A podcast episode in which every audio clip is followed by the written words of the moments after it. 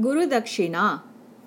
पूर्वकाले गुरवः शिष्यान् बोधयितुं तेभ्यः गुरुदक्षिणां स्वीकर्तुं वा बहुधा परीक्षाः कुर्वन्ति स्म। कदाचित् कश्चित् शिष्यः कस्यचन गुरोः सकाशात् चतस्रः विद्याः प्राप्तवान्। महान् पण्डितः इति ख्यातश्च अभवत्।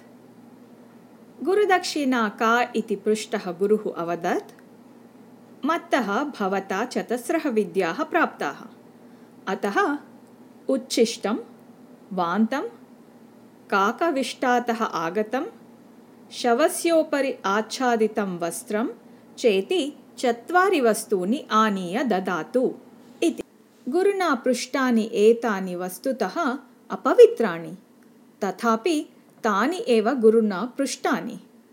इत्यस्य तात्पर्यं यत् एतस्य अन्तरार्थः कोऽपि स्यात् इति। तत् मया प्रयत्नेन ज्ञातव्यम् इति चिन्तितवान् शिष्यः।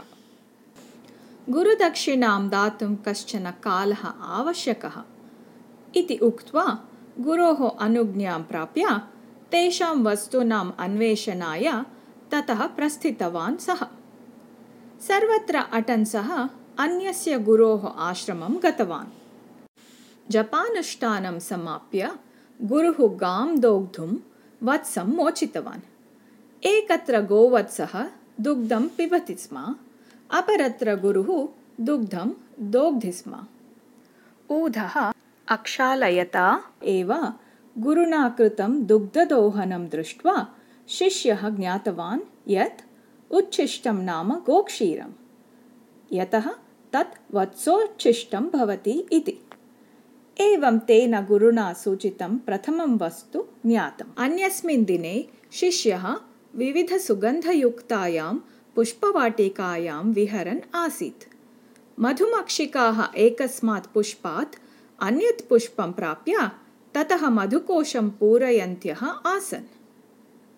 वान्तं नाम वस्तुतः मधु एव।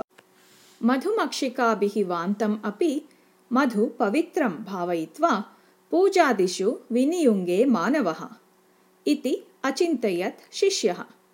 तेन द्वितीयं वस्तु ज्ञातम् आसीत्।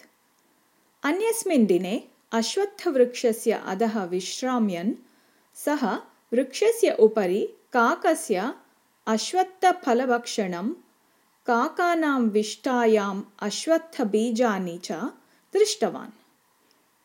सर्वे अश्वत्थवृक्षं विष्णुं भावयन्ति। तथापि कोऽपि विशिष्टतया तं न वपति।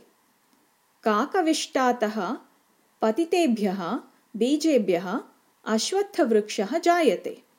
तथापि सः अत्यन्तं पवित्रः इति चिन्तयन् सः तृतीयं वस्तु ज्ञातवान्। चतुर्थं वस्तु किं स्यात् इति चिन्तयता तेन कश्चन चित्रपतङ्गः दृष्टः तस्य पूर्वजन्म अधिकृत्य सः चिन्तितवान्। पट्टकीटः तस्य स्मृतिपततम् आगतम्। एषः स्वस्य निद्रावस्थायाः पूर्वं कौशेयतन्तुभिः नीडं निर्माय निद्रां गच्छति। तं नीडं बाष्पेन क्वथयित्वा कौशेयतन्तुं स्वीकृत्य ततः जनाः वस्त्रं निर्मान्ति। इति स्मृत्वा शिष्यः अवगतवान् यत् कौशेयवस्त्रमेव शववस्त्रमिति कथ्यते इति। ततः सः तानि वस्तूनि नीत्वा गुरवे समर्पितवान्